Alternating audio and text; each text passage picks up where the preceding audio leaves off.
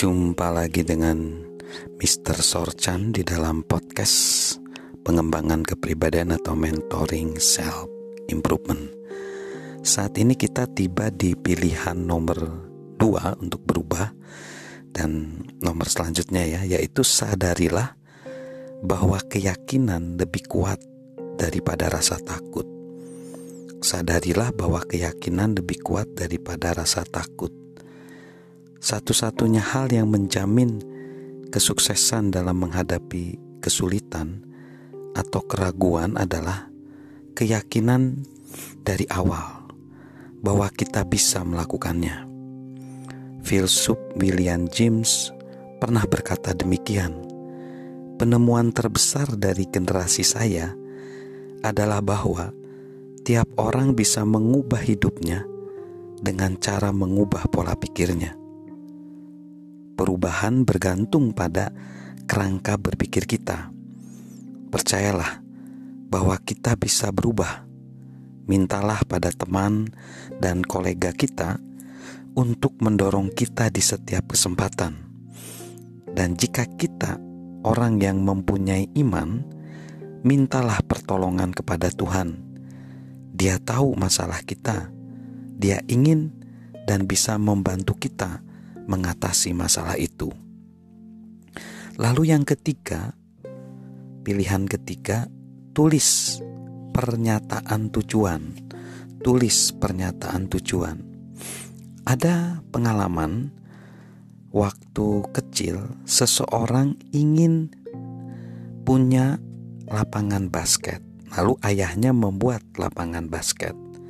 Lalu akhirnya ayahnya membuat di depan rumahnya ada semen, memasang semen, lalu memasang papan, dan ketika sedang siap memasangkan keranjang, ayahnya tiba-tiba dipanggil untuk satu tugas dalam keadaan darurat. Ayahnya berjanji kepada anaknya, "Aku akan memasang ring basket, tapi nanti kalau aku udah kembali." Ternyata anaknya anak kecil ini mulai berpikir nggak apa-apalah. Saya kan sudah punya bola basket baru dan juga jalur semen yang baru dan aku mau mantul-mantulin bola. Pertamanya sih memantul-mantul bola di atas semen itu enak, tapi lama-lama membosankan. Karena apa? Tidak ada tujuan, tidak ada ring basketnya.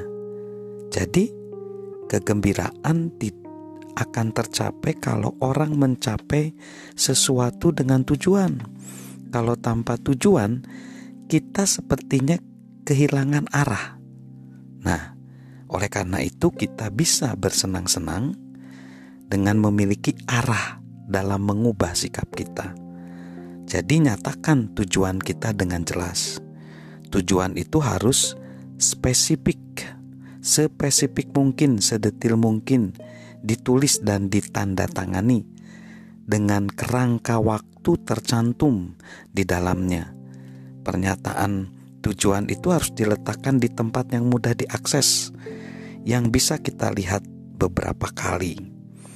Tujuan itu bisa tercapai jika setiap hari kita melakukan tiga hal. Satu, tuliskan secara spesifik apa yang ingin kita capai setiap hari. Ya jadi ditulis. Lalu setelah itu dua katakan apa yang ingin Anda capai setiap harinya kepada teman yang bisa menyemangati kita. Ya jadi katakan itu. Lalu yang ketiga bertindaklah untuk tujuan kita setiap hari.